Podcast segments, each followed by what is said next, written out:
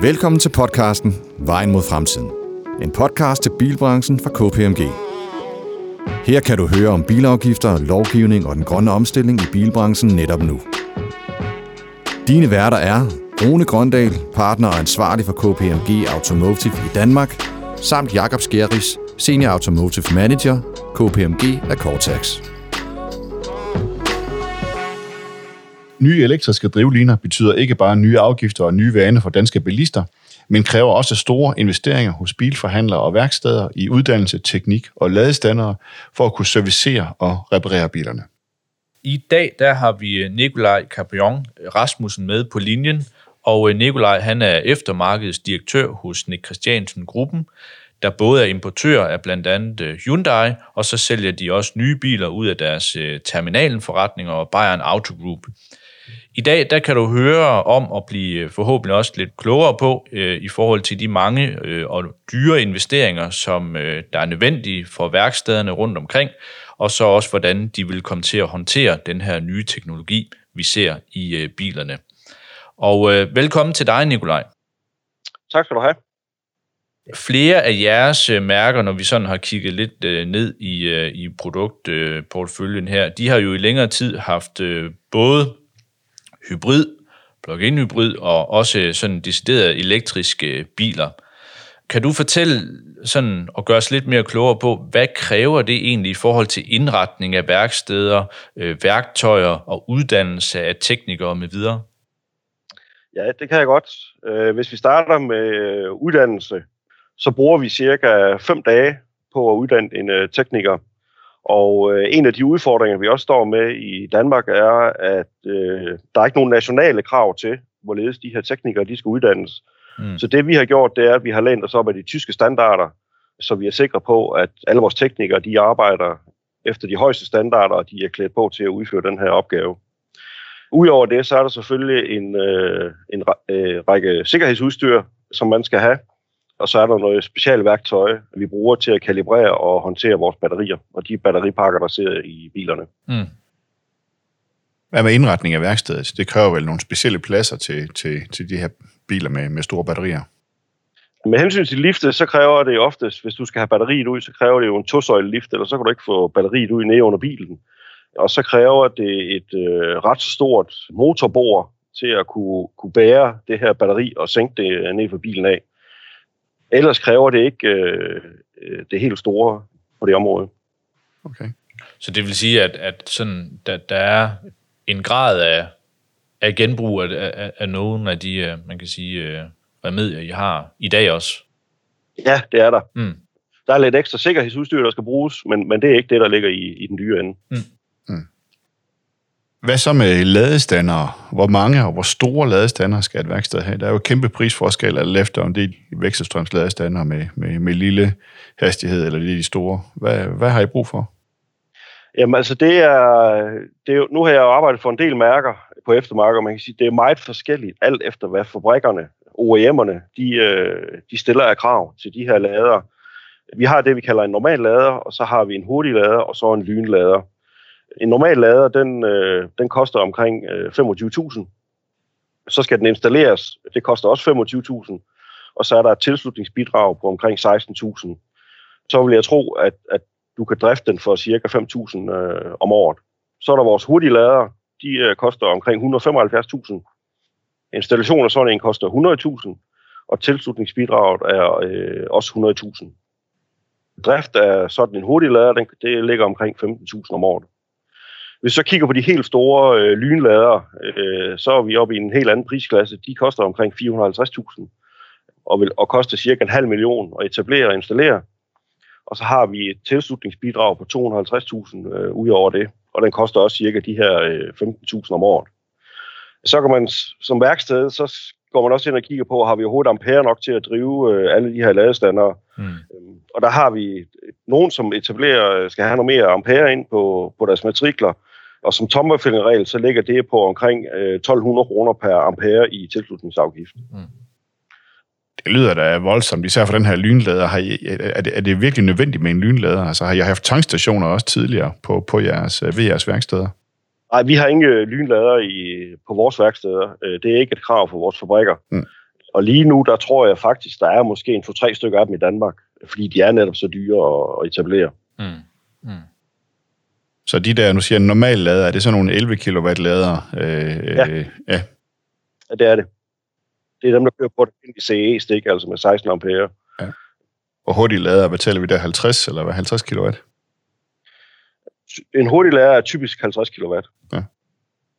Hvad så med, det, det, er jo, det er jo relativt mange penge, øh, der skal investeres i det her. Hvad med, hvad med indtjeningen på sigt? Så det vil sige, nu investerer I en masse penge, og, og, og så... Øh, men, men der er vel mindre indtjening på de her elbiler, er der ikke? På det lange bane, eller hvad?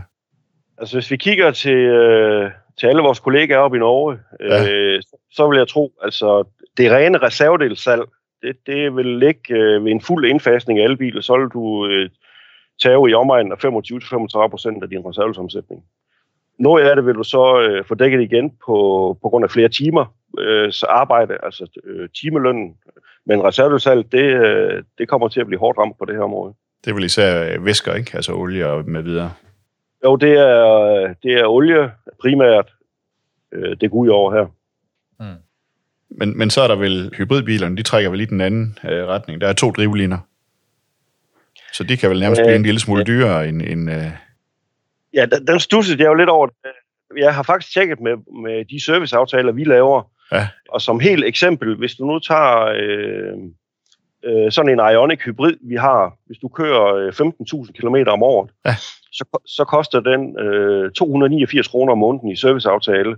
Okay. Og hvis du, hvis du tager en øh, Kona benzinbil, ja. øh, der også kører 15.000, så koster den faktisk øh, 299. Så en hybrid er 10 kroner billigere per måned i serviceaftale. Mm. Nå, det kommer bag på mig, det havde jeg ikke gættet på. Jeg vil, sådan den, den umiddelbare uh, formodning, det er jo flere drivlinjer, det giver flere udgifter, fordi du både har en, en, uh, en, en traditionel forbrændingsmotor og ja. en... Uh... Ja, det er rigtigt. Men uh, ikke, uh, ikke de serviceaftaler, vi tilbyder i hvert fald. Der kan man bare se, det overrasker mig lidt. Uh, og gælder det også, gælder det også plug-in hybridbiler? Sådan, det har både Rune og jeg, så det er jo rart at vide, hvad vi kan, hvad vi kan forvente. Jamen, øh, en plug-in Ionic kan du få for øh, 2,79 om måneden på en serviceaftale. Ja. Øh, så den er, den er en 10 billigere end, øh, end hybriden, og øh, 10, øh, 10 kroner dyrere end EV'en. Ja, så det og så EV'en, den er så en tand billigere endnu, kan jeg så høre. Ja, det er den. Øh, den ligger på 2,69. Mm. Øh, så de tre biler, de ligger og svinger en, en 10 kroner om måneden på en, på en treårig serviceaftale, hvor du kører 15.000 om året. Mm. Mm. Så i virkeligheden så betyder det her, at, at, at set fra et kundeperspektiv, så afviger det minimalt. Der vil så heller ikke være den store besparelse i det for en kunde af en elektrisk bil, kan jeg så høre på det. Lige cirka 10 procent. Ja, cirka, cirka 10 procent. Mm. Ja. Selvom I sparer, hvad sagde du, 35 procent i reservedel?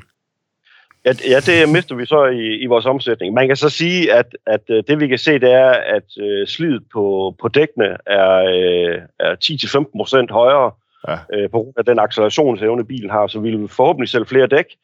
Og så, der, så kan vi se, at, at der er skader, frontskader især, uh, stiger lidt mm. på bilerne, fordi de accelererer så hurtigt. Det skal folk nok lige vende sig til. Ja. Hvad med sådan noget som bremser? Det er jo noget med, at der er noget regenerering. Altså det, hvad, hvad betyder det for slidet på bremser? Bremserne skal ikke uh, skiftes så ofte, uh, fordi den bruger uh, elmotoren til at bremse med.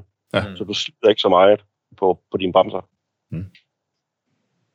Jeg kunne egentlig godt lige tænke mig at vende tilbage til det her med, øh, med, øh, med uddannelsen. Øh, nu, nu sidder du selvfølgelig, øh, man kan sige, i eftermarkedet, men, men har, har den her, man kan sige, investering og, og, og du kan sige, den nye viden, I også øh, tilegner jer på eftermarkedet, bruger I også den ud i forhold til, til sælgerne? Altså er det, ikke, er det ikke kunne man ikke forestille sig, at det også var vigtigt at, at, ligesom at få noget af den her viden rundt i organisationen? Altså, hvor, hvor arbejder I med det? Altså sådan, at, at man også bruger den viden, I hele tiden bliver klogere på på værkstedet, ligesom til at kan informere de her øh, nye kunder, der kommer ind i butikkerne og skal og er nysgerrige på de her nye øh, drivliner. Jeg tænker, der må være en masse spørgsmål.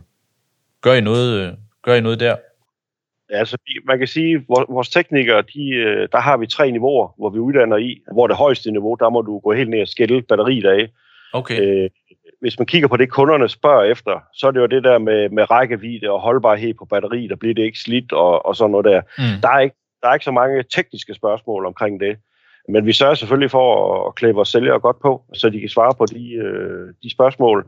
Men helt så dyb viden, som en tekniker får, det, den giver vi ikke sælgerne. Altså, det, altså sælgerne, ikke sådan, de, der er ikke noget krav om uddannelse hos, altså, øh, til dem? Der, der er krav for mærkerne om, at ja. de gennemfører en, en, en, en EV-uddannelse, kan ja. man sige, men, men den er slet, den, hvis, hvis en tekniker er på, på, på uddannelse i fem dage, så, så tager EV-kursus tager måske en dag. Ja, ja, ja. Mm. okay. okay.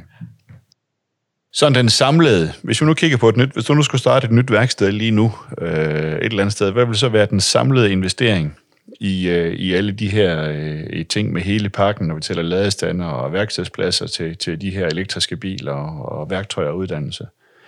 Sådan et, et almindeligt værksted. Vi åbner et nyt værksted nede i Kolding for eksempel. Hvad koster det så ekstra? det, det, det er dus med et godt spørgsmål. Altså jeg kan sige, hvis du nu er almindelig øh, øh værksted i dag, øh, hvor du håndterer benzinbiler og dieselbiler og, og laver almindelig service, ja. og så du skal op på et, et, et EV-niveau eller elektrisk øh, niveau, ja. øh, så ligger det i størrelsesorden mellem 50 og 150.000, øh, kan du komme i gang for. Nå, det er da ikke så galt. Det er ikke så slemt igen, nej. Så har man en, en lille ladestander og nogle basistester og fem dage, øh, fem dage, en tekniker fem dage på kursus. Ja, og så har du lidt sikkerhedsudstyr, du skal, du skal købe, ikke? Mm. Øh, jeg vil tro, så to normale lærer og en hurtig lærer, øh, måske, hvis øh, fabrikken stiller krav om det, og så lidt sikkerhedsudstyr og uddannelse, så er du, så er du egentlig godt kørende. Mm. Okay. Mm. Jamen, øh, det var godt lige at få, øh, få, få lidt indblik i, hvad, hvad det kræver. Øh, jeg kan høre, at I er, I er godt i gang, og, og, og øh, der sker også en masse. Der er der ingen tvivl om. Det ruller ud med helt vildt mange biler her. Det er godt i hvert fald. At udfordringen er jo, kan man sige, også at nå at følge med til at uddanne alle de her teknikere. Ja. Øh, værksteder, i forhold til, hvor mange biler, der bliver solgt, ikke? Jo. jo. Øh, og så især, når der ikke er de her nationale krav stukket ud fra, fra myndighederne af. Så det er sådan lidt, øh, hvad, hvad gør vi her, ikke? Mm. Men nu forholder vi så til de tyske standarder, og det, øh, det kører vi efter. Ja, det lyder som en uh, rigtig fornuftig idé. Tak skal du have, øh, fordi du stiller op, og øh, have en fortsat god dag. Ja, mange Velbekomme. tak, Nikolaj. Ja. ja. Velbekomme. Hej, hej. Hej igen. Hej, hej. Bliv hængende og hør med lige om lidt, når vi samler op på dagens øh, interview.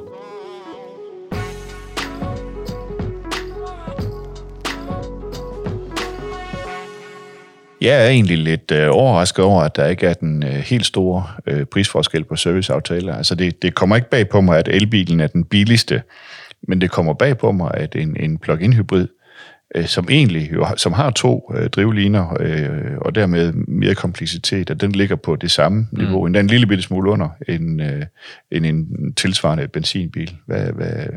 Jamen, jeg kunne godt høre, du var lidt overrasket. Ja. men, men, men det er jo måske også øh, ud af den der, man kan sige, logiske tankegang. Der er to øh, drivlinjer i en bil, jamen det er mere kompliceret ja. og sådan ting, men, men hvis vi sådan, ja, spoler lidt tilbage i forhold til det, han sagde, jamen, øh, så sådan en serviceaftale og hvad det er, de... Øh, den dækker også, måske bare de gængse ting i virkeligheden. Ja, men, den, men, men måske er de også sikret lidt bedre ind fra producentens side. Altså tænker jeg på... Øh, ja, hvis der er et eller andet. Ja, de 8 års garanti på batteriet, som jo egentlig er noget, producenten leverer, det gør jo egentlig, at hvis det er noget af den del, der går galt, mm. Øh, mm. Som der faktisk er nogle mærker, der har lidt udfordringer med, jamen, så er det ja. producenten, der løfter, ja. løfter den del. Ja, og det vil jo, så, så er det jo egentlig fint, at det afspejler sig ned, øh, altså ud til forbrugeren, altså i, i en serviceaftale, at man afspejler prisen der. Ja. Øh, og du kan sige, kompleksiteten i den eldrevne bil er måske også, eller er jo mindre der er jo færre bevægelige dele og alle mulige ja. andre ting, så den store hurdle er måske nok batteriet. Det, det, det er klart det dyreste ting, altså sådan teknologien i en elbil. Ikke? Jo. Og hvis de så har de her otte års, øh, man kan sige, garanti øh, på det, så er det, jo, så er det jo måske naturligt nok. Ja. Øhm, de har jo så også, nu talte vi lidt om nogle af de, man kan sige, udfordringer, de kigger ind i som eftermarkedet i forhold til, at vi ser nogle mere simple teknologier måske, altså mm. på, på el. Men reelt set så har de her de her værksteder øh, er, er fra mærkevarerne er, er jo tættere på, på OEM'en også. Altså de, de er jo tættere på, på, på producenten. Og der har de da klart også en fordel, og de er også tættere på uddannelsen, de er tættere på teknologien. Det er klart, på den korte bane her, Ja. altså kigger vi i, i det her årti, øh, hvor, vi, hvor, der, hvor vi får mange nye biler og, og Ja. nye teknologier og nye drivliner, jamen jo, jo tættere du er på producenten og den viden og den uddannelse, jo, jo stærkere står du. Men, men på den lange bane, Mm. altså øh, kigger vi øh, et stykke ud i fremtiden, så man sige, så overrasker det mig faktisk, at det ikke var så dyrt at komme i gang Ja. med. Så det vil sige, at, at, at når de frie værksteder om nogle år, hvad ved jeg, 5-10 år, begynder at, at skulle servicere de her biler, fordi der begynder at komme en større portefølje mm. af de her biler, mm. jamen så er det faktisk ikke øh, noget, der, der, der, der er så dyrt, at, man, at de ikke har råd til at være med, som jeg hører det. Mm. Nej, det, det, øh, det er jeg sådan set enig i, men, øh, men det, giver god, øh, det giver god mening, at, øh, at man kan sige, mærkevarer, øh, værkstederne, eller du kan sige mærkeværkstederne, at de er at de er, hvor de er, og de bliver nødt til at opskalere på det her. Øh, Så de, de, er jo, de er jo tvunget ud i de her investeringer her. Ja, Det, det er de. det, Men det er der ikke nogen tvivl om. altså, jeg vil også sige, at, at, at mig selv som kunde af en, en plug-in hybrid, jeg vil da også, jeg føler mig mere tryg ved at, at have brugt et værkeværksted mm. nu. Jeg kunne ikke, med min nuværende bil, kunne jeg ikke drømme om at bruge et, et frit værksted. Det kan være, det ændrer sig i fremtiden, men det er ikke der, jeg er nu, det er helt sikkert. Altså, øh, Det er jo en ny ting for mange, så du kan sige, at det, det at have den tryghed er rigtig godt, ikke? jo. Ja. Det overrasker mig så til gengæld også, at der ikke er nogen standarder i Danmark. Altså, Mm. så kan man sige, så kan de jo, så kan, øh, så kan de jo hver sig selv lave deres standarder, og så sige, at vi har en standard. Mm. Men der er det jo meget fint, hvis du finder tilbage til din til dit, øh, ja, til dit producentland, eller hvad det kan være, altså, hvor man så siger, jamen, så går vi med de standarder, der er der, fordi de jo trods alt også er dem, der ved, hvad det er for en teknologi, der, der lægges ind i, man kan sige, bilen.